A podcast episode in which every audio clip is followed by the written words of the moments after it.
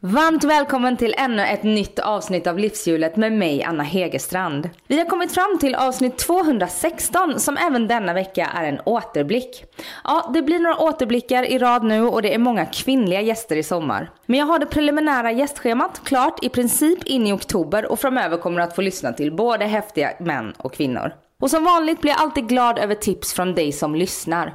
Vem vill du höra i livshjulet? Maila mig gärna på anna.hegerstrand.se eller släng iväg en kommentar på livshjulets Facebook-sida. Och passa då på att gå in och gilla den sidan när du ändå är inne. Nu dags att presentera veckans gäst Mia Törnblom. Mia gästade mig i avsnitt 26 för tre och ett halvt år sedan och nu är hon alltså tillbaka för att berätta om hur livet ser ut idag. Och Mia fyller 50 år i maj. Hon har flyttat sen sist vi sågs och drömmer nu om att hitta ett semesterboende någonstans i solen.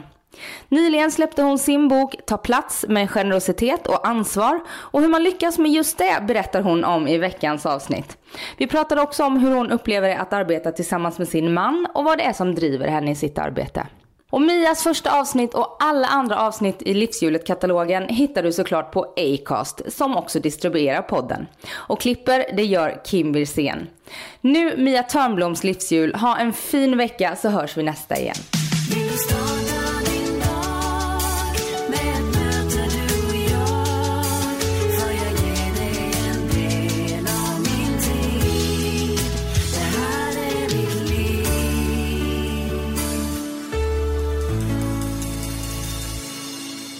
Mia, välkommen tillbaka. Tack snälla. Hur mår du idag? Jag mår bra. Ja.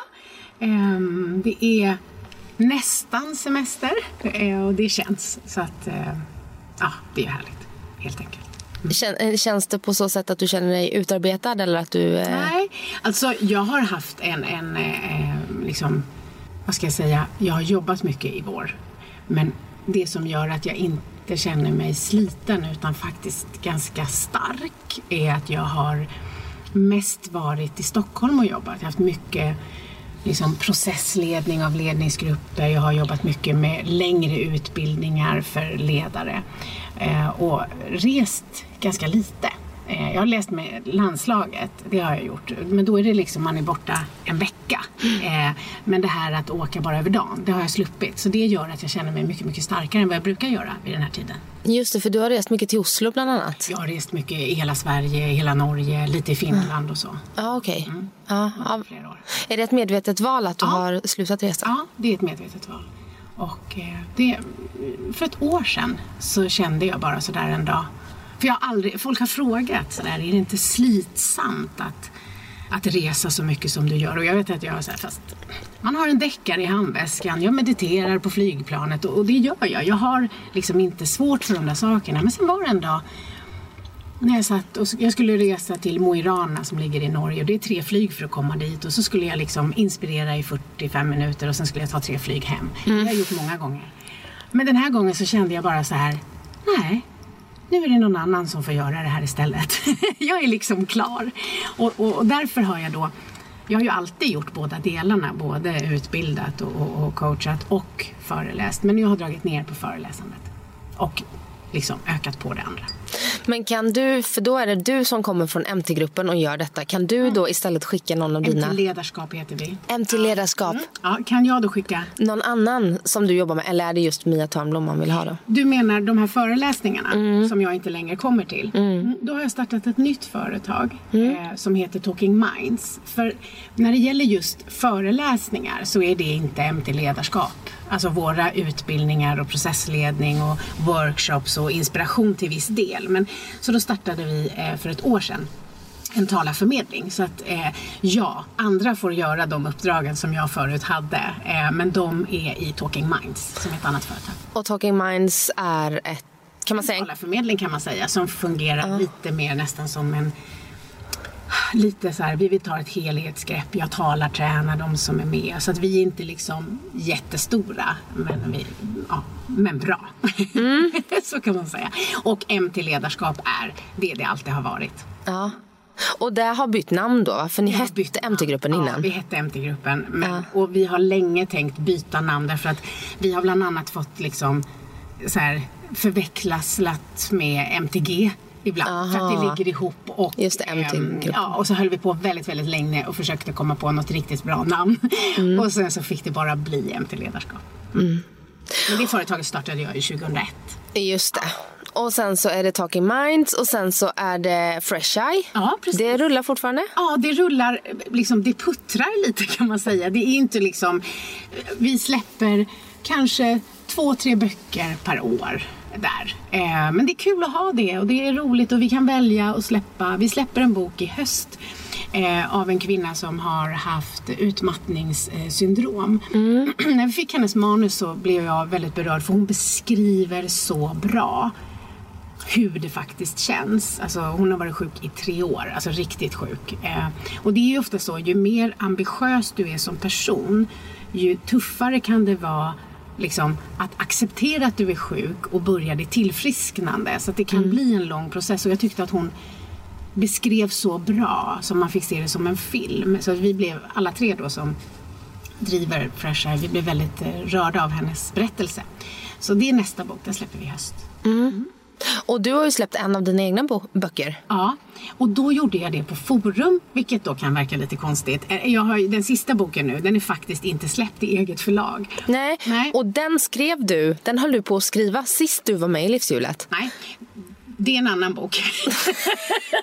För jag vet att du skulle precis, ja. du hade släppt en bok på eget förlag ja. när du var med och, och höll på med en annan. Till Forum, ja. ja. Och du har skrivit, nu ska vi se, du är aktuell med, med Du säljer mm. och det är mm. din, är det din sjunde eller åttonde, åttonde. åttonde mm. bok och så mm. skriver du på din nionde bok nu. Ja, det är så konstigt. Men jag gör det. Ja. Och den, vad var det den handlar om? Den, det är en, en relationsbok som heter Hur svårt kan det vara? Och det är en relationsbok utan ett enda råd. Utan en enda lista, utan en enda sån punkt. Och det är helt underbart. Utan jag bara så här berättar om Alltså det är som storytelling eh, av personer som jag har mött eller egna erfarenheter. Som liksom, ja lite så som jag föreläser, mycket att jag berättar saker som vi känner igen oss i om andra personer som självklart då har gett sin tillåtelse och hur jag resonerar kring alla de här relationerna som vi har i livet. Så, så att den, eh, jag har skrivit ganska mycket, jag ligger rätt bra till deadline-mässigt måste jag säga den här gången. Och jag trodde nog att det bara skulle bli kul, liksom, kul och lite fyndigt. Men jag märker också att den är, den den är också lite sorglig och den är lite allvarlig. Så att jag, jag känner att det, det, är intressant det där. Man har en fantasi och så börjar man och så växer det något eget fram. Så att, eh, det är spännande med den här boken tycker jag. Och sen har det kommit en till. Ja, en till på mm. forum. Och då är det så här att när det gäller mig själv och deadline så är jag inget bra på att hålla min egna deadline. Jag är liksom sopig där. Så det som gjorde att den förra boken släpptes på Forum, förutom att jag gillar dem, mm. eh, det är att när de och jag har kommit överens om en deadline, då håller jag den. De gånger jag sätter upp en egen deadline i mitt eget förlag så kommer det massa andra saker som jag prioriterar före. Den här boken som jag släppte nyss, det är min tionde bok och jag släppte den på min 50-årsdag. Det kändes lite som ett jubileum mm. och därför valde jag att göra det på Forum för de hittade ju mig för 12 år sedan. Mm. Men sen så tror jag att nu när jag är vuxen, över 50, så ska jag väl klara av i framtiden att hålla en egen deadline. Det är i alla fall min ambition. Så det kan komma en bok på eget förlag? Det kommer komma en bok. Den är halvfärdigt skriven. Den handlar om ledarskap, det som är mitt riktiga jobb. Ja. Mm. Och den här nya, eller den som du är aktuell med nu mm. kan man säga, den heter Ta plats med ansvar och generositet. Mm. Och hur gör man det då? Ja, det handlar snarare om att släppa fram andra. Än, alltså att ta plats, att vara tydlig med vad jag längtar efter, vad jag drömmer om, vad jag kan, mina styrkor. Det är jätteviktigt.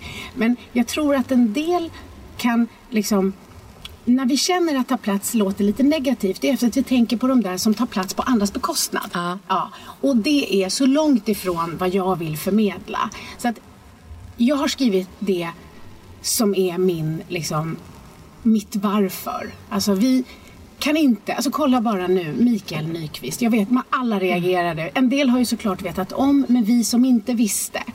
Man blir ju helt i chock. Bara, mm. Men vad då ska han inte finnas mer? Mm. Och, och, lite så här är det ju. Mm. Livet är orättvist, det suger regelbundet, det är tufft att vara människa. Och då menar jag att man har väldigt stor nytta av att träna på liksom, sitt självledarskap. Men också att våga göra det där som man längtar efter. Och det är en av berättelserna som jag har med i den här boken. En, en god vän till mig som berättar om när hans far, morfar låg för döden. Och, och, och delar med sig att, att han ångrade att han inte hade vågat. Mm. Och det är så bortkastat. Det finns så mycket fantastiska människor som har så mycket att ge. Så jag vill uppmuntra till att hitta sitt varför, sin drivkraft att våga ta plats. Men att alltid göra det i generositet. Och att ta plats handlar oftare, tycker jag, om att lyssna än att prata. Och det är väl det som en del tror, att ta plats är den som pratar mest eller den som syns mest. Men jag menar att, att ge är att ta plats på ett sätt som gör världen bättre. Och det är viktigt för mig. Mm. Och på vilket sätt eh, tar du plats då med generositet? Mm. Alltså, hela min karriär är ju byggd på det sättet. Jag satt ju hemma i köket i tre år och coachade gratis.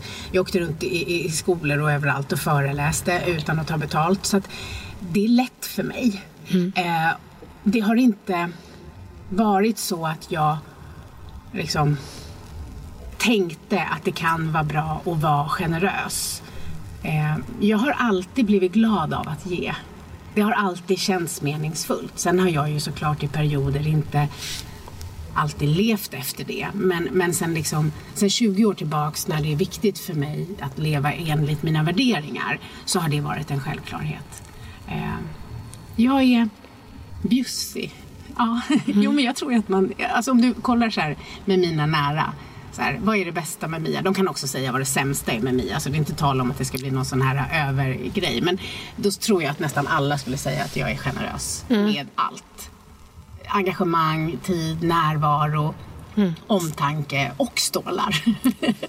ja. Det kan jag skriva under på. Det var, det var verkligen så här när vi skulle ses idag så känns det som att träffa en gammal kompis. Ja. Även fast vi har träffats kanske fyra gånger. Ja. Eller något sånt där. Och det känns ju inte som att det är tre och ett halvt år sedan sist. Nej, det är så. Mm. Ja. Jag tror vi sågs någon gång. Eh, jag var uppe och kikade på era nya lokaler Aha. Eh, efter det. Men det är i alla fall tre år sedan. Aha. För det var innan jag träffade min kille. Just det. Ja. Men fortfarande så känns det eh, eh, som att man plockar upp tråden när man lämnar den. Ja, visst är det skönt att det kan få vara så. Mm. Att man inte behöver börja om. Mm. Men då tänker jag så här att eh, du har ju väldigt många människor, vet jag, som tycker om dig. Ja.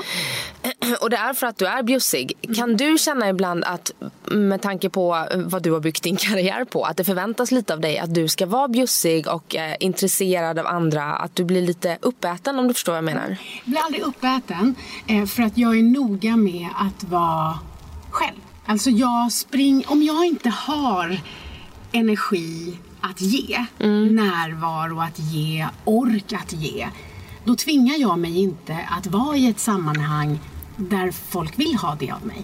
Så att jag har den här sunda att jag ser till att jag har innan jag ger.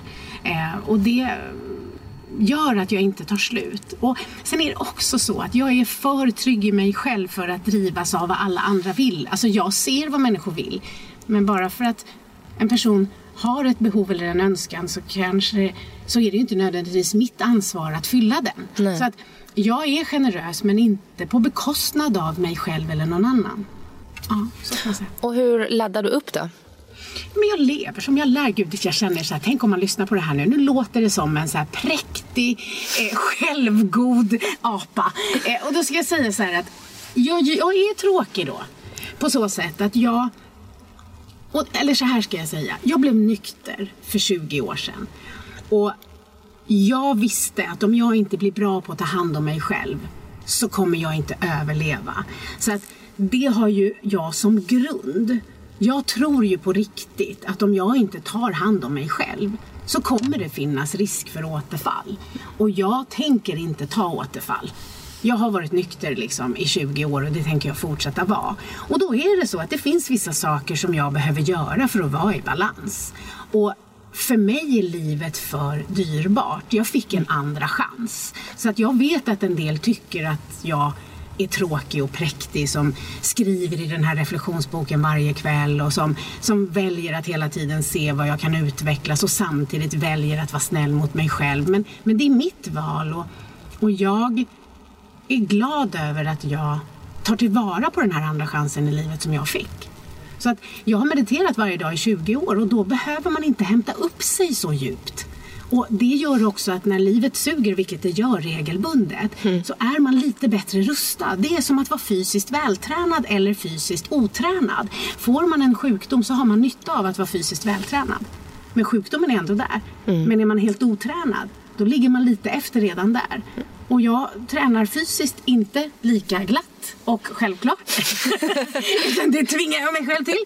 Men den andra biten, den, liksom, jag är van. Det är som att borsta tänderna. Jag har mina rutiner för det och de fortsätter jag med. Mm. Mm. Och jag lyssnade på en intervju med dig där du sa att eh, många drivs av sina rädslor. Ja. Och det gör inte du. Längre. Längre. Mm. Vad drivs du av? Lust, skulle jag säga. Ja. Lust att liksom lära nya saker, att göra ett riktigt bra jobb. Eh, att... Eh, ja, men det är väl egentligen de två jag har och att njuta mycket. Ja. Du är bra på att njuta vet jag. Ja, jag är jättebra på att njuta. Går du fortfarande var sjätte vecka och gör eh, naglar, ansiktsbehandling, ja, massage? Ja, ja eh, så här. Naglar oftare. Mm. Eh, det behövs faktiskt. Fransar gjorde jag inte sist, det har jag börjat med. Det har jag också börjat med. Ja, Visst är det bra? Så praktiskt, man behöver inte sminka ögonen och sminka av dem. Och för en lat person som jag är så är det ljuvligt. Mm. Ansiktsbehandling har det dock blivit lite sämre med. För att min tjej slutade. Mm. Jag har provat några nya men inte blivit förtjust. Så där känner jag att jag är i obalans. Jag behöver hitta den där hudterapeuten som jag blir helt förälskad i och mm. vill vara hos. Ja, men om du går var sjätte vecka så är det en egen relation. Men jag gör ju inte det nu. Det är Nej. det som är problemet. För att jag har inte hittat den. Nej. Mm. Så du måste hitta en... Jag måste hitta en ny. Det är ett stort problem i livet. det är tydligt nu att säga att nu var jag väldigt ironisk. Men det är ett lyxproblem i, i livet. Men svar ja. Massage, fix och tricks. Jag, jag, jag tycker att det är, det är livskvalitet. Jag har jättemycket så här viktiga, svåra uppdrag där jag processleder olika liksom, grupper och, och, och företag. Och, och, för att vara 100% närvarande i det där som jag vill göra mitt yttersta så behöver jag vara i bra balans när jag kommer dit. Och jag blir lite gladare om jag har varit på massage. Mm. Mm. Och fina naglar. Och fina naglar, ja. Ja, mm. ja det är lyxigt, absolut. Men... Eh, då undrar jag, du fyller ju 50 här. Jag har fyllt precis det. Så jag har ju sagt i över ett år att jag är 50 för att jag tyckte att 49 lät så töntigt. Ja. 50 är snyggt. 49 är bara liksom ja, eh, nej, men alltså förfesten. Jag, och då tror ju en del jag vet jag satt och gjorde naglar och då satt jag bredvid en annan tjej och så sa jag till min då nageltjej men det är så skönt att bli äldre och då säger den här andra kvinnan som jag inte alls någonsin har träffat, tittar på mig och säger du ljuger, säger hon. Mm. Ingen vill bli äldre. Och då ska jag verkligen förtydliga att det är sant. Jag gillar att bli äldre. Jag gillar Alltså sen, och det är väl också för att jag är ganska så krass i, i, att hålla på och fokusera på det jag kan påverka. Så att jag går inte runt och tänker, tänk om man levde för alltid och tänk om, tänk om, tänk om. Jag håller inte på med det. Nej. Men då är det ju så att det finns en massa fördelar med att bli äldre tycker jag. Och det är bland annat att liksom, jag lär mig ju saker hela tiden jag blir bättre på att välja utifrån liksom, det som är viktigt för mig. Eh, jag tycker att det är skönt med så här eh, lagom, eh, kolla Netflix. Eh, liksom. alltså det, nej men jag gillar liksom, jag gillar, jag känner och också så här, hela klimakteriesvängen liksom, svängen som ju inte alls jag var förberedd på. Jag tycker inte att de har förvarnat den. Jag tycker det är för få som berättar att det är helt vidrigt och man blir liksom svettig svettig och ofräsch. Alltså bara det är ju helt sådär. Men det som också kommer med det där, det är en form av sådär, man brukar prata om så här, håll käften kapital. Man mm. har lite pengar på banken som man har liksom, men det finns också i hela den här medelålders klimakterie så får man någon form av så här, håll käften energi som jag gillar. Uh -huh. Ja. Mm. Så klimakteriet var positivt och negativt? Alltså det var vidrigt, men jag känner mig ändå liksom också stark. Mm på ett annat sätt. Ja. Det pratas ju väldigt lite om det och jag skrev faktiskt ett reportage med Anneli Rudé. Mm. Eh, sångerskan Anneli Rudé som berättar om det här. För hon hade fruktansvärt jobbigt, blev deprimerad. Ja. Hon, ja, hon har aldrig lidit av någon PMS eller någonting. Men klimakteriet det var... Ja. Det var fruktansvärt. Det var det. Och, det var, och där kan jag känna att med tanke på hur jag har eh, liksom strukturerat, reflekterat och tränat mentalt eh, i så många år så hörde jag ju att jag förändrades. Jag hörde ju att det var tankar i mitt huvud som inte var jag. Alltså att det kunde komma såna här men det kanske ändå är något som jag borde vara orolig för. Och då förstod ju jag att så här, men det här är ju inte på riktigt. Men det är ju ändå så. Så att det var tufft för mig i klimakteriet, precis som det är för många. Jag var lite bättre rustad, men jag var inte förberedd. Nej. Alltså, jag var stark så att jag klarade det, men jag blev i... Alltså det var... Verkligen, det påverkar en mycket, mycket mer än vad de har pratat om. Och hur mår du idag? Nej men alltså jag har vallningarna kvar. Det mentala har släppt. Liksom. Eller så har jag bara... Jag var ju lite knockad men det har jag liksom hittat. Vissa saker gör jag mer. Jag känner att jag behöver meditera lite mer än vad jag behövde innan jag hamnade i klimakteriet. Jag känner vissa saker som jag behöver göra. Men det är lite som med fysisk träning. Om man känner att man har svaga knän så tränar man ju dem extra mycket. Så att det där är inte svårt för mig. Sen har jag liksom accepterat att de här vallningarna kommer hålla på. Jag är inte nöjd på något sätt. Men de, de slutar väl någon gång? Ja fast det här kan jag hålla på i åtta år säger de. Oj. Ja, precis. Man Helt tänker att klimakteriet är ett år och sen är det Ja, klart. nej, men eh, så att nu har jag vant mig. Mm. Att det är så här. Och det kommer plötsligt liksom. Nej, mitt kom inte plötsligt. Mitt kom, första vallningen kom för, för fyra år sedan och för två år sedan så började det för mig. Och sen är jag verkligen mitt i det nu. Sen vet jag inte hur länge. Nej. Förhoppningsvis har du gjort hälften alla fall. det låter så jättedramatiskt. Men, men någonstans är det så här, eh, det handlar ju också, ibland tror jag om att eh, skapa sig eh, distans liksom eh, eh, och också förhålla sig till vad är mm, svårt och jobbigt på riktigt och samtidigt inte mm, förminska att det faktiskt är tufft. Men jag har, jag, har, jag har vant mig och jag har hittat ett sätt att leva med det. Jag var lite tjurig i början och hade ingen lust att acceptera att det skulle vara så här. Nej. Typ. Och sen sist vi sågs eh, så undrar jag vad, vad du tror är den största skillnaden på tre och, och ett halvt år sedan. Och då menar du i mitt liv? Ja, och lite dig som person. Vad är den största skillnaden i Mia? Åh. Är det någon? Jo, men jag... Jo, men det är klart att jag har påverkats av... Eller jag har liksom... Jag är ju verkligen samma som förut, inte tal om det. Men jag har liksom...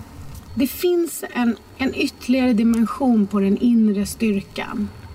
Ehm, skulle jag säga. Som kanske ingen annan än jag själv märker. Ehm, ja, jag har sprungit en halvmara. Det känns ju overkligt. Ehm, det trodde jag aldrig var möjligt. Eller liksom, jag förstod inte ens poängen med det.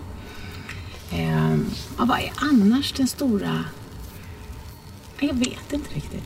Det får nästan andra svara på tror jag. Du var på G att eh, flytta. Du hade tröttnat på din stadsdel.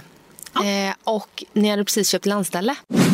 Och den tredje tårtbiten vi ska prata om det är bostad. Mm. Du bor i en lägenhet på Kungsholmen och nämnde att ni har köpt landställe. Åh, gud. Och det, apropå livskvalitet. Min man har velat haft landställe sedan vi träffades och jag har inte förstått alls. Jag är ganska lat människa så att jag har tänkt, gud vad jobbigt. Man måste klippa buskar och hålla på och pyssla. Jag förstod inte alls. Sen har vi då haft kompisar som haft landställe, vi har varit och hälsat på och, och vi har haft båt och sådär. Men sen så blev det i alla fall att vi köpte då, så det är snart ett år sedan. Och det är så fantastiskt. Alltså, vi åker dit på helgerna och det är liksom, jag har målat, jag har blivit pysslig. Jag klipper de där buskarna och typ är lycklig över att få klippa de där buskarna.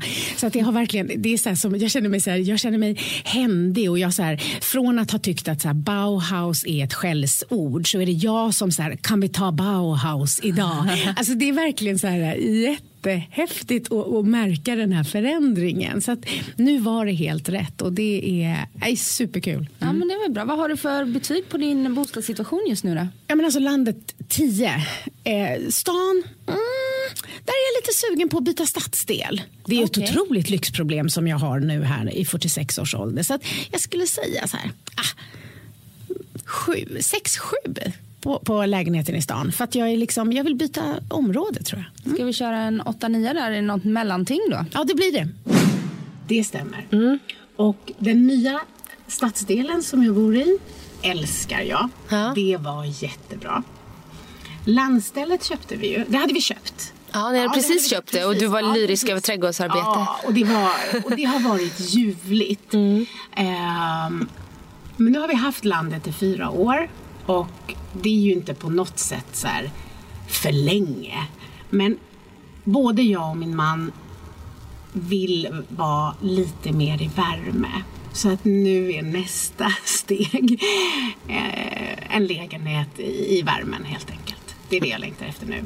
Men eh, det har varit häftigt att vara på landet och det har ju också varit en stor skillnad just det där att jag jag blev en som, som rensade i trädgården och klippte gräs och sånt där som jag aldrig hade tänkt att det skulle bli och renoverar och, och målar, målar om hela huset och, och har gjort massa sådana där saker och snickrat och inte så bra på att snickra, då är jag bättre att hjälpa till men måla det har liksom varit riktigt min grej. Det är, så att jag har väl blivit lite händigare helt enkelt och tycker att det är kul att gå på Bauhaus. Det är en jättestor skillnad mot när vi såg sist för då kunde jag inte stå ut men nu tycker jag att det är ljuvligt. Ja. Ja.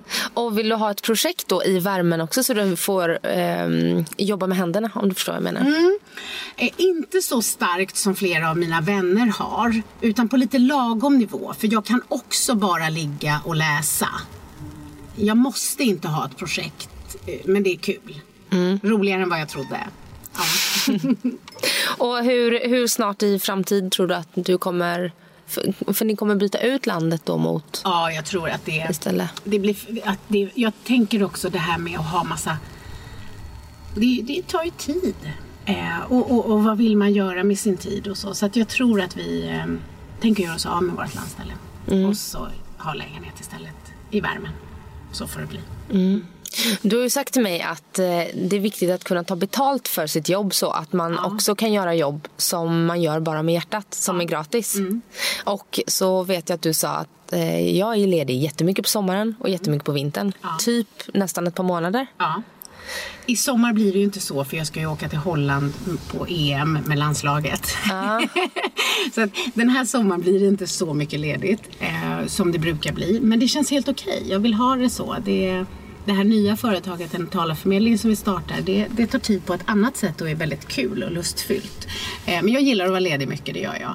Eh, men jag har väl kanske inte samma behov av att vara ledig lika länge nu i sommar eftersom jag inte har rest så mycket. Nej, just det. Så att det blir på ett annat sätt nu. Men det är också viktigt det där att, att saker som är rätt för en i en period kanske inte alltid är det resten av livet. Och det är också okej. Eh, Så att nu så, så vill jag inte vara ledig i åtta veckor den här sommaren. Utan jag kan nästan sådär längta lite redan nu till saker som jag vet kommer hända i augusti. Och det är kul. Och vad är det som kommer hända? Ja, men jag har I roliga augusti. uppdrag, roliga ledningsgrupper och håller på med en podd. Det är också roligt. Det är Ja. också nytt. Ja. Eh, tillsammans med Kristina Stielli eh, har jag en podd. Och Kristina är ju författare och också delägare i Fresh Eye vad jag har Det förstått. stämmer. Ja. Och en väldigt god vän till dig. En väldigt god vän och, och eh, vi har jättekul och, och hon föreläser mycket om arbetsglädje och sådana saker. Men vi, vi, det blir ju mer att vi samtalar kring de här ämnena som vi båda brinner för. Så att det kommer handla om allt ifrån yta till djup till liksom, eh, spännande saker men som samtal. Och det, ja, men det vet ju du som har hållit på så länge och är så otroligt proffsig på det här. Men det, det är ett häftigt eh, sätt att att belysa ämnen på. Eh, Så att vi har spelat in några avsnitt och det är, det är kul. Det är liksom enkelt och svårt. Mm. Alltså Det, det jag gillar med podd, jag som inte är... Jag är väldigt snabb. Ja. Det är en styrka. Jag är inte så noggrann. och det jag gillar med podd är att det behöver inte vara så noggrant. Nej. Utan att du kan egentligen trycka på och sen trycka av. För det är ett, är ett samtal. Jobbar man med tv eller radio eller f- skriva för den delen. Då måste det vara mycket mer Ja. noggrant. Ja, men jag vet, det är inget så här, man måste inte skicka det på korrektur. Nej, Nej. precis. Och sen så har jag ju en klippare som räddar mig. som ser till att det kommer ut överhuvudtaget. Jag behöver bara göra det roliga. Och det är kul. Ja. Vad kommer podden heta då? Det kommer heta Självklart. Och varför valde ni det namnet? Alltså det, helt ärligt så hittade vi några andra namn som var jättebra, som var upptagna. Ja, det är många som startar poddar Ja, nu. så det, jag ska säga att det var inte så här så som vissa Det var inte mina- självklart. Nej, var, men, men det var självklart Jag har ju fått frågan under flera år om jag vill starta podd. Eh, och nu var jag redo och då var det självklart för mig att det var med Kristina Steli. Det var självklart. Och sen är det ju vissa saker som är självklara och ändå kanske inte är det. Det är ett intressant ord att resonera kring. Men eh, ja, det blev det. Mm, vad spännande. Och när är det premiär för den här? 7 juli. Ja, 7 juli. Ja. Då har det redan varit premiär när det här Ja, då har avsnittet redan sänds. varit det. Vad spännande. Ja, perfekt sommarlyssning. Ja, ja. Eh, Du jobbar ju tillsammans med din man. Eller ni driver företag ihop. Mm. Ja. Alla företag? Alla företag ihop. Ja, vad läskigt tänker jag. Det första jag tänker. Ja, du tänker så. Ja. Ja. Ehm, vad, vad är fördelarna och nackdelarna med det? Fördelarna är oerhört mycket större än nackdelarna. Jag skulle säga att det egentligen inte är några nackdelar i vårat fall, men det är vissa saker som man behöver liksom ta hänsyn till för att det inte ska bli några nackdelar, så skulle jag säga. Fördelarna är att vi äger vår tid tillsammans. Vi, kan, vi behöver inte vänta på varsin chef någon annanstans som ska säga när vi får ha semester till exempel och så har vi tur och så passar det ihop. Alltså det är massa sådana saker som vi äger, liksom, vi kan bestämma själva eh, över det. En fördel är också att jag flera gånger i veckan får se honom vara briljant. Det är bra för en relation. Jag vet att nä nära vänner till oss kan ibland så här, gud ni har varit gifta i 12 år och är sådär kära.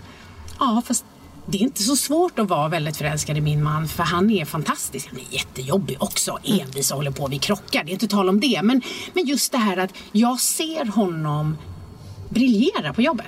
Det gör ju väldigt få med sin partner utan man kommer hem, man är trött och så delar man med sig det som typ inte blev så bra idag. När man sitter i mysbyxor. Ja men precis när man sitter i mysbyxor. Medan jag får se, och så plus att vi eh, vi kan ju käka lunch tillsammans. Det kan ju många gånger vara härligare än att äta middag tillsammans när man är trött. Eh, så jag har ju valt min man för att jag trivs med att vara med honom. Så att det här med att det ska vara så konstigt att jobba med sin partner, det förstår jag inte riktigt mig på. Jag väljer när jag ska samarbeta sådana som jag gillar att vara med överhuvudtaget och jag gillar ju också att jobba. Så att mm, jag får se honom briljera. Eh, han, sen ska jag säga att vissa saker behöver man tänka på innan. Och det är till exempel så här. Vem bestämmer när vi inte är överens? Ja. Ja. Och då har vi valt att dela upp. Jag är ansvarig för innehåll. Han är ansvarig för struktur, organisation. Så att vi vill ta beslut tillsammans. Men när vi är oeniga, då har den vars område det är en extra röst. Jag tror att det är viktigt för människor att våga prata om de här sakerna som man hoppas inte ska hända för att stå där. Och det lärde jag mig lite när jag jobbade på ett IT-företag då innan jag startade eget så sa den mannen, han bara driv företag som om du vore dubbelt så stor som du är. För helt plötsligt är du här och då ska du ha rutiner för det. Så just det här att tänka i förväg på vad som kan hända sen. Även det som inte är så kul. Så att inte det blir en chock. Och sen har vi också frågat oss själva, vad är viktigast för oss? Är det jobb eller äktenskap? Och vi är båda överens om att det är äktenskap. Vilket gör att när vi märker, om vi skulle märka att, att jobbet sliter på vårt äktenskap, då slutar vi jobba ihop. Sen finns det ju andra som har gjort tvärtom. Som har skilt sig och fortsätter jobba ihop för Ja, de det. insåg det. Så att jag tror bara att man ska våga ta alla de där sakerna. Sen är det ju inte alla som kan jobba tillsammans därför att man har helt olika yrken. Eh, en är brandman och en är liksom lärare, då blir det lite svårt att jobba ihop. Eh, men, men i vårt fall så, så eftersom eh, han är så otroligt duktig på struktur, organisation och affärsutveckling liksom, utveckling. och jag är bättre på att processleda en ledningsgrupp så kompletterar vi varandra. Så, så jag skulle säga i vårt fall eh, bra. Och sen vet vi ju inte så här, det kan ju vara så att han säger nu vill inte jag göra det här längre för nu vill jag göra det här istället. Och då får det ju vara så. Eh, men jag är jätteglad att vi jobbar ihop. Han, jag har utvecklats väldigt mycket, både som person i vår relation men också i, i min yrkesroll. För att han är duktig. Ja. Ja. det, vad jag har förstått så kompletterar ni varandra väldigt bra. För han har ju det här eh, struktur och noggrannhet. Och jag är snabb och slarvig. ja men det är superskönt. Vad skönt. Då kan du bara gå in och vara i det. Ja, det är väldigt... Och så får han sopa upp lite Ja, ja efter men dig. verkligen. Och där känner jag självklart att vi har gjort väldigt mycket bra för att ha den här kvaliteten. Men också att jag har haft tur. Ja, så känner jag. Och har ni även pratat om hur ni, eh, att ni eh, släpper jobbet så att det inte bara blir att man tar med sig jobbet hem och att det blir... Det där har aldrig Ongoing. varit ett problem eh, för mig och, och för oss. För som egen företagare så är det ju lite lyxigt att kunna gå och klippa sig på en tisdag förmiddag. Men det kanske också innebär att man klockan tre en lördag berör något som har med jobbet att göra. Men för mig så, så har det inte varit ett problem. Sen är vi olika. Jag jobbar bara när jag jobbar och när jag är hemma sen så jobbar jag inte. Han jobbar mer än vad jag gör och han kan liksom sitta och jobba hemma eh, på kvällen till exempel. Och, och det gör inte jag. Och där är det så att jag fick i början, för då kunde jag säga, ibland när jag ska gå och lägga mig, jag är ganska trött av mig så jag lägger mig tidigt, så har han suttit och jobbat och kommit på något smart. Så kan han vara så här, han bara, "Hörru, det här och det här. Och då är jag så här, nej, nej, nej, men det kan vi inte prata om nu. Jag är ju inte smart. Vi får ta det imorgon. Och då när jag går upp tidigt så vill jag prata då. Medan det är inte hans bästa. Nej. Eh, Så där får man också hitta till så att det synkar för båda. Men det har inte varit något problem. Nej. Man får sätta sig mellan 10 och 5, då kan vi prata jobb. Nej, fast det, fast det, fast det, det flyter in. Och prata jobb kan man göra, men just det där när det krävs att man verkligen Tänker till. tänker till, det tror jag att man får vara, liksom, styrelsemöte brukar jag kalla det. det då får vi liksom ha planerat in innan. Ehm, och ni träffades ju och gifte er ganska snabbt. Du eh, Direkt. ja, sa sist vi träffades att eh, du flyttade in. Första kvällen. Ja, lite så här, tog en större väska Ja. Ja, varje jag gång. gjorde ju det. Fram tills han kom på att men, du bor ju här nu. Så, det var verkligen så. Och det är lite roligt för att man brukar prata om att ja, men det är bra att ta det långsamt och lära känna varandra och sådär. Men ni eh, körde verkligen pang bom och eh, idag, 12 år senare, så är du jättekär. Jag är väldigt, väldigt kär. Ja, och det är ju inte så att jag säger till alla andra, det är en jättebra idé att först flytta in första kvällen. Men det är också det här apropå rädsla som du frågade om, det här att ha rädsla som drivkraft. Eh, Vi agerar ju olika när vi är rädda och min reflex är att lägga i en högre växel. Alltså man har ju det här fly, fäkta, spela död. Jag, liksom, jag, jag, jag, jag, är redo. Så att det var ju flera saker som gjorde att det blev lättare för mig att flytta in än att vara den där kloka som väntar på. För att jag hade aldrig lärt mig att dejta. Så att, att gå hemma och vänta på att han ska ringa eller veta vems tur det borde vara och skicka ett sms. Det där är jag är inget bra på det. Utan jag tycker att det är lättare då att nu bor jag här och så får han väl säga till om det inte passar. Eller jag märker om det inte passar. Så slipper jag undra vems tur det är. Så att en del skulle säga, åh vad modigt. Fast det var det minst läskiga alternativet eh, av de jag hade. Och Sen är det ju också så att vi var så pass gamla när vi träffades. Micke var över 40 och, och, ja, Micke var 40 och jag var 37.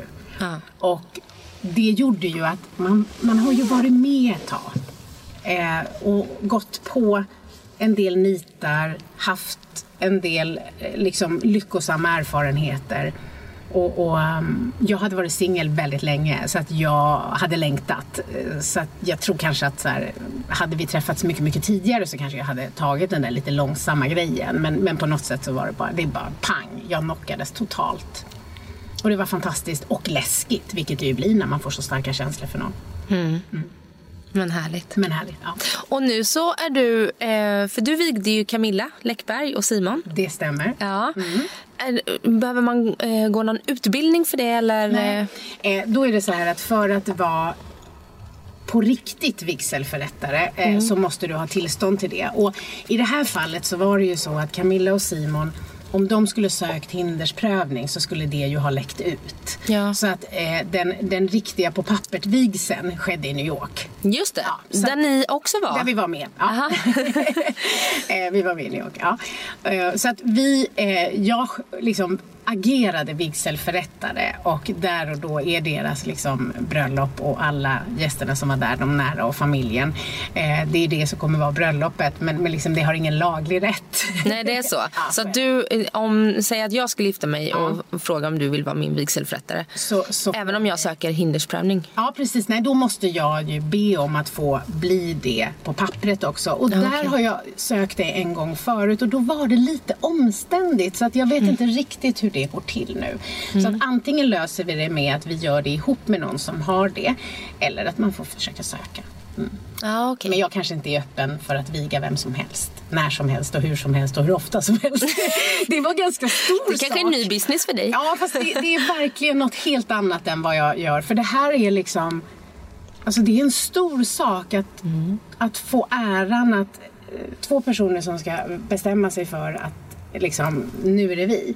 Eh, att då följa dem och ge det till dem som de längtar efter. Det är, är, det är en ganska stor sak och inte något som jag skulle bara kunna göra lite hur som helst utan det krävs liksom förberedelser och närvaro. Det gör det i alla jobb, men det där är något annat. Eh, men det här är väl det andra ärofyllda uppdraget du får av Camilla, för du är väl gudmor åt hennes dotter ja. Polly, eller mm. deras dotter? Ja, det stämmer. Ja, okay. Så det var inte helt eh, eh, konstigt att du fick det här uppdraget, eller den här nej, eh, förfrågan heller? Nej, och, och jag har ju liksom, nej, nej, jag tror inte att det eller det, det kändes inte jättekonstigt att jag fick den frågan. Nej, det gjorde det inte. Mm. Mm. Och ni är ganska precis hemkomna från New York? Mm. Vi har varit i New York. Vi åkte ju då eh, dagen efter då bröllopet slash 30-årsfesten. Mm. Eh, och, och, var där i fem dagar. Och det var fantastiskt. Mm. Ja, vad härligt. Ja. Och, och hur ser sommaren ut nu? Eh, ja, nu övrigt? åker jag på pre-camp då. Det är inför EM med landslaget nästa vecka. Sen är jag på landet. Och sen åker jag ner till EM i Holland. Eh, jag är inte med hela EM för det är lite för många veckor utan de får klara sig på gruppspelet utan mig och så åker jag ner till kvartsfinalen. Mm. Mm. Vad roligt. Svenska damlandslaget då i fotboll. Och för du är gammal fotbollstjej? Jag är gammal fotbollstjej. Ja. Eh, var bättre lagkapten än fotbollsspelare och, och, har inte någon större bedrift än, än, division 3. Men jag är gammal fotbollstjej och har då sedan tre år tillbaka fått den stora förmånen att jobba med med eh, Pia Sundhage och eh, landslaget och det är fantastiskt kul. Just det, det var hon som kontaktade dig? Eh, jag... Efter att du hade fjäskat lite? Ja, precis. Fjäskat otroligt mycket. Eller så här, försökt imponera på henne. Jag försökte redan med Thomas Denneby på den tiden att få det här stora uppdraget och misslyckades totalt. Mm. Och därför då när jag förstod att jag skulle få, jag skulle hålla några föreläsningar tillsammans med Pia och då bestämde jag mig för att nu jävlar ska jag se till att jag får åtminstone möjligheten att försöka. Och det lyckades jag med på prov då i tre månader och sen fick jag fortsatt. Så att jag har hållit på i tre år nu. Mm. Mm. Vad är det roligaste med det då? Åh, det är svårt att välja vad som är roligast för det är Ja, nej, jag vill inte säga vad som är roligast för att det är så mycket som är roligt och spännande och utmanande. För att det man ska tänka på, hade jag jobbat med ett eh, klubblag så hade det inte egentligen varit så stor skillnad mot något annat av mina jobb. För att jag jobbar ju med eh, liksom, ett franskt läkemedelsföretag och jag jobbar med ett tv-produktionsbolag och jag jobbar som eh, liksom handledare och socialsekreterare. Alltså jag jobbar med väldigt många människor som gör saker som jag inte kan. Eh, men mitt jobb är ju att processleda det teamet eller coacha den ledaren i sitt ledarskap. Och det har ju med relation och kommunikation att göra. Och där har jag ju alla verktyg. Men jag kan ju inte alltid någonting om det de säljer eller liksom vilka tjänster och produkter som det företaget håller på med. Och det behöver jag inte kunna för det kan de själva. Mm. Eh, och hade det varit ett klubblag då hade det varit lite det också fast det hade handlat om fotboll. Det är en grupp som ska leverera två gånger 45 minuter och det är allt det här som är runt omkring. Men det som är speciellt här det är att det är ett landslag vilket betyder att alla hör hemma någon annanstans. Mm, alla är stjärna någon annanstans. Och sen tas man ut en gång i månaden och få prestera tillsammans med de andra stjärnorna. Det händer väldigt mycket saker med en när man tas ur sitt vanliga sammanhang och in i det här. Och du kan bli bortvald när som helst. Du har längtat efter att bli uttagen och sen när dagen kommer, reflexmässigt så blir det lite wow.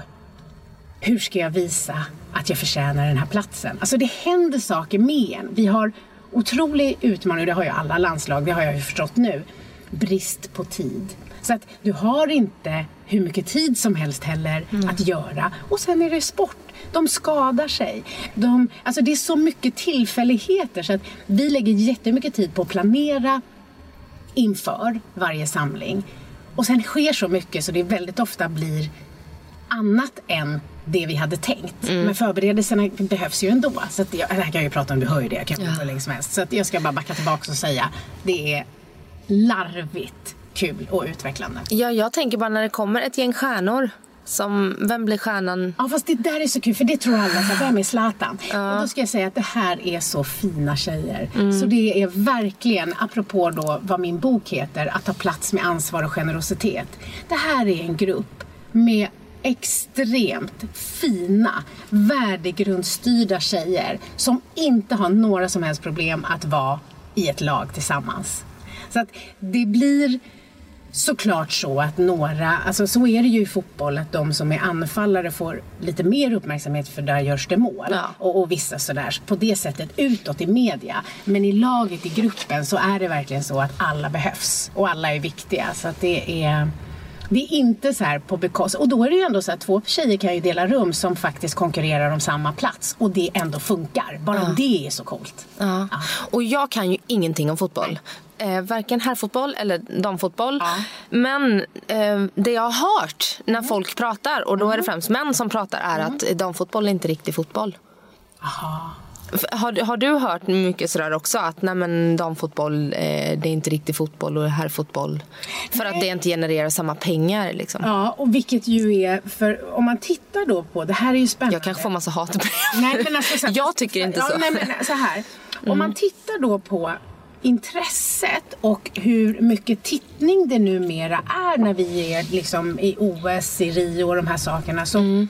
så är det ju så att eh, det är ju alldeles för lite som satsats på damfotbollen i relation till vad herrfotbollen genererar. Och ja. nu är inte jag experten här på det sättet. Men, men jag tror att det är få som numera kan säga att inte det är riktig fotboll. För det är ju riktigt bra fotboll många mm. gånger. Eh, och, och eh, såklart, hela tiden skulle jag säga.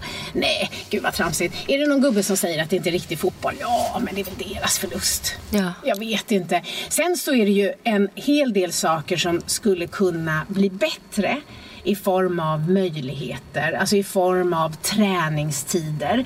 Alltså, det är ju samma utmaningar som när Pia och de höll på och brottades om att trots att de representerade Sverige så fick de knappt liksom tid för träning. Mm. Och, och, många gånger så är det ju så, trots att utvecklingen har varit så fantastisk och det finns props och det är internationellt och allt det här, så har vi ju inte alls samma möjligheter. Så det finns ju väldigt mycket att göra för liksom, damfotbollen såklart. Mm. Och när du tänker på ditt jobb och det du gör nu, du driver, är det tre bolag? Ja. Ja. Ehm, men två som tar tid. Det ena märks inte på det sättet. Nej, det, det åker med lite. Hela tiden. Ja. ja. nej, och vad, vad, säg fem, tio år ja. fram. Hur, hur tänker du din arbetssituation då? Nej, men alltså, jag gör det jag vill göra. Eh, så jag kommer inte, tror jag, och det ska ju trilla ner då en ny affärsidé som gör något helt annat. Men jag skriver, utbildar liksom om det som jag brinner för, liksom ledarskap och, och, och, och eh, egenutveckling. Eh, team mycket. Mm. Det kommer jag fortsätta göra för det är det som är liksom, det roligaste jag vet. Sen gillar jag ju väldigt mycket att liksom få andra att utvecklas och växa. Eh, så min så här, drömscenariot är ju att så här, bara behöver vara på kontoret, servera kaffe och säga att alla andra är duktiga. Liksom. Mood manager. ja men så här, det, det kan jag se. Och jag tror, eller ambitionen är väl också att sådär ännu mer kanske kunna eh, liksom resa och, och, jobba på distans lite grann som jag ju inte har kunnat hittills. Det är väl inte, det är är inte väl, det är ju en dröm som jag har. Men, men alltså så här, jag har ett jobb som är jättekul och känns otroligt meningsfullt och jag är inte på något sätt klar. Nej. Jag tänker onlinekurser och mm. onlineutbildningar. Mm och sådär. Ja, och jag har ju varit lite eh, stenålders där eh, på så sätt att jag har tyckt att så här, nej, det ska vara riktigt, riktigt bra. Eh, men, men och har gjort någon sån där, ja vi kanske, och så har de visat vad de har att erbjuda och så har jag känt, mm, nej det är inte riktigt, jag, jag, vill att det ska vara bättre liksom. Men, men det blir ju, det är en annan värld vi lever i så det kanske det blir. Mm. Jag vet inte, jag har inte något färdigt ännu i alla fall. Nej, och samtidigt som jag har varit på ett par föreläsningar med dig, man brukar prata om riktiga liveartister mm. och då är väl du en riktig live-föreläsare ja. då. Man vill gärna ha dig IRL och ja. kunna titta dig i ögonen på riktigt liksom. Ja, men, ja, men jag tror det och sen också med Ja, men man får se. Men man ska ju inte säga, det vet vi ju inte. Det är ju så mycket som händer som... Det, är också, det har ju blivit skillnad. Jag har ju liksom jobbat och, och, och coachat ledare i väldigt många år nu och, och där är ju Alltså för 15 år sedan så satt jag ju med en chef och vi pratade mycket fem år, tio år. Mm. Man gör inte riktigt det längre för det förändras så mycket. Så i många branscher så så vet man inte riktigt vart är vi på väg. Och mm. eh, många företag, liksom deras eh, e-handel går så bra. Eh, och det är man glad för. Men det var man inte kanske förberedd för. Alltså det händer så mycket saker, allt är så komplext. Så att vad jag har lärt mig är att säga, jag har ingen aning om hur det kommer bli. Men jag gör det jag vill göra i alla fall. Och så hoppas jag att jag liksom kommer kunna fortsätta göra det. Så skulle jag vilja säga. Mm. Och om du fick skruva ditt liv lite för att eh, nå ännu, för att det ska bli ännu lite bättre. Vad skulle det vara för ingredienser då? Förutom den där lägenheten i värmen. Nej men jag vet faktiskt, alltså helt ärligt, det låter ju så. Men jag, jag tror så här att det är egentligen bara så här att de som är nära mig får vara friska. Mm. Det är faktiskt det. Um, de som är nära mig ska få, få ha det bra. Det är det. Eh, jag har inte slutat vilja ha mer eller eh, liksom göra mer eller sådär. Men, men det viktiga är inte det. Så att jag är liksom en, eller liksom så här, eh, tant. Är du med? Som är mm. nöjd. Mm. men som inte har slutat vilja. Jag vet inte vad jag ska säga. Jag, jag, vet inte vad det skulle vara. Därför att om det är något som jag vill så försöker jag skapa det. Eh, så att, nej, lyckan bor inte där borta. Nej. Den gör inte det. Gör inte det. Och just det här med att vara frisk ja. eh, och att du tycker det är härligt att bli äldre. Ja. Jag eh, är ju eh, 15 år yngre än dig ja. men blir ju också äldre. Och det som jag känner är nu efter jag har gjort, gått igenom en graviditet bland annat är att ryggen har tagit stryk och sådär. Just det här med att eh, hålla hälsan eh, är mer närvarande. Innan så tränade man och åt bra för att vara snygg. Och det gör jag fortfarande. Men nu finns en hälsoaspekt på ett helt annat sätt. Ja, och jag har ju ingenting av det där för att vara snygg. Men jag har jättemycket det där för hälsan. Ja. Alltså, för att vara stark. Alltså, så här, att tänka på vad jag äter för att kroppen ska få det den behöver på ett helt annat sätt än när man var odödlig. Man är mm. inte odödlig längre. Det är så. Nej. Och du har ju haft väldigt mycket eh, eh, för att vara snygg. Du började ah, äta dina bantningstabletter till exempel för att bli smal ja, och bli snygg. Mm. Eh, hur får man bort det där då? Lite inspiration. Alltså jag tror så här, träning på så sätt att sådär lite självrannsakan också. Mm. Eh, sen tror jag att för vissa så är det sunt att inte hela tiden titta hur alla andra ser ut, titta hur alla andra gör. Alltså någonstans med att förståelsen för att undvika att jämföra sig.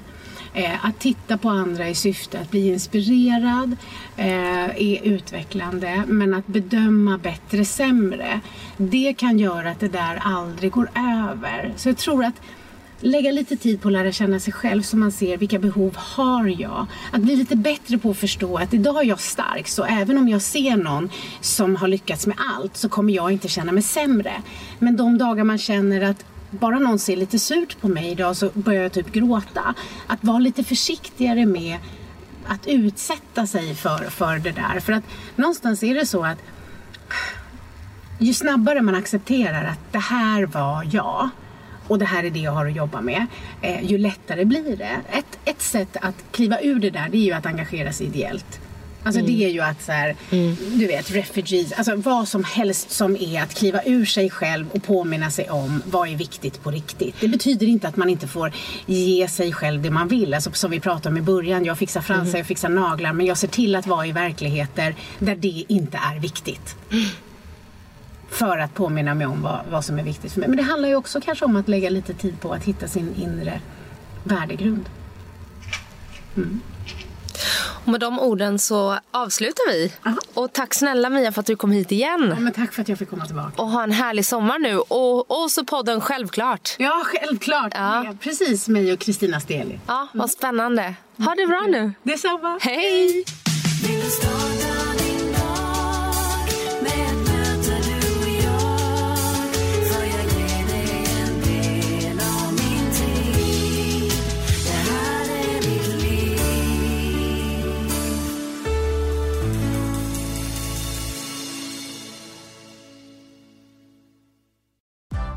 Nu är den stora färgfesten i full gång hos Nordsjö Idé och Design. Du får 30% rabatt på all färg och olja från Nordsjö. Vad du än har på gång där hemma så hjälper vi dig att förverkliga ditt projekt. Välkommen in till din lokala butik.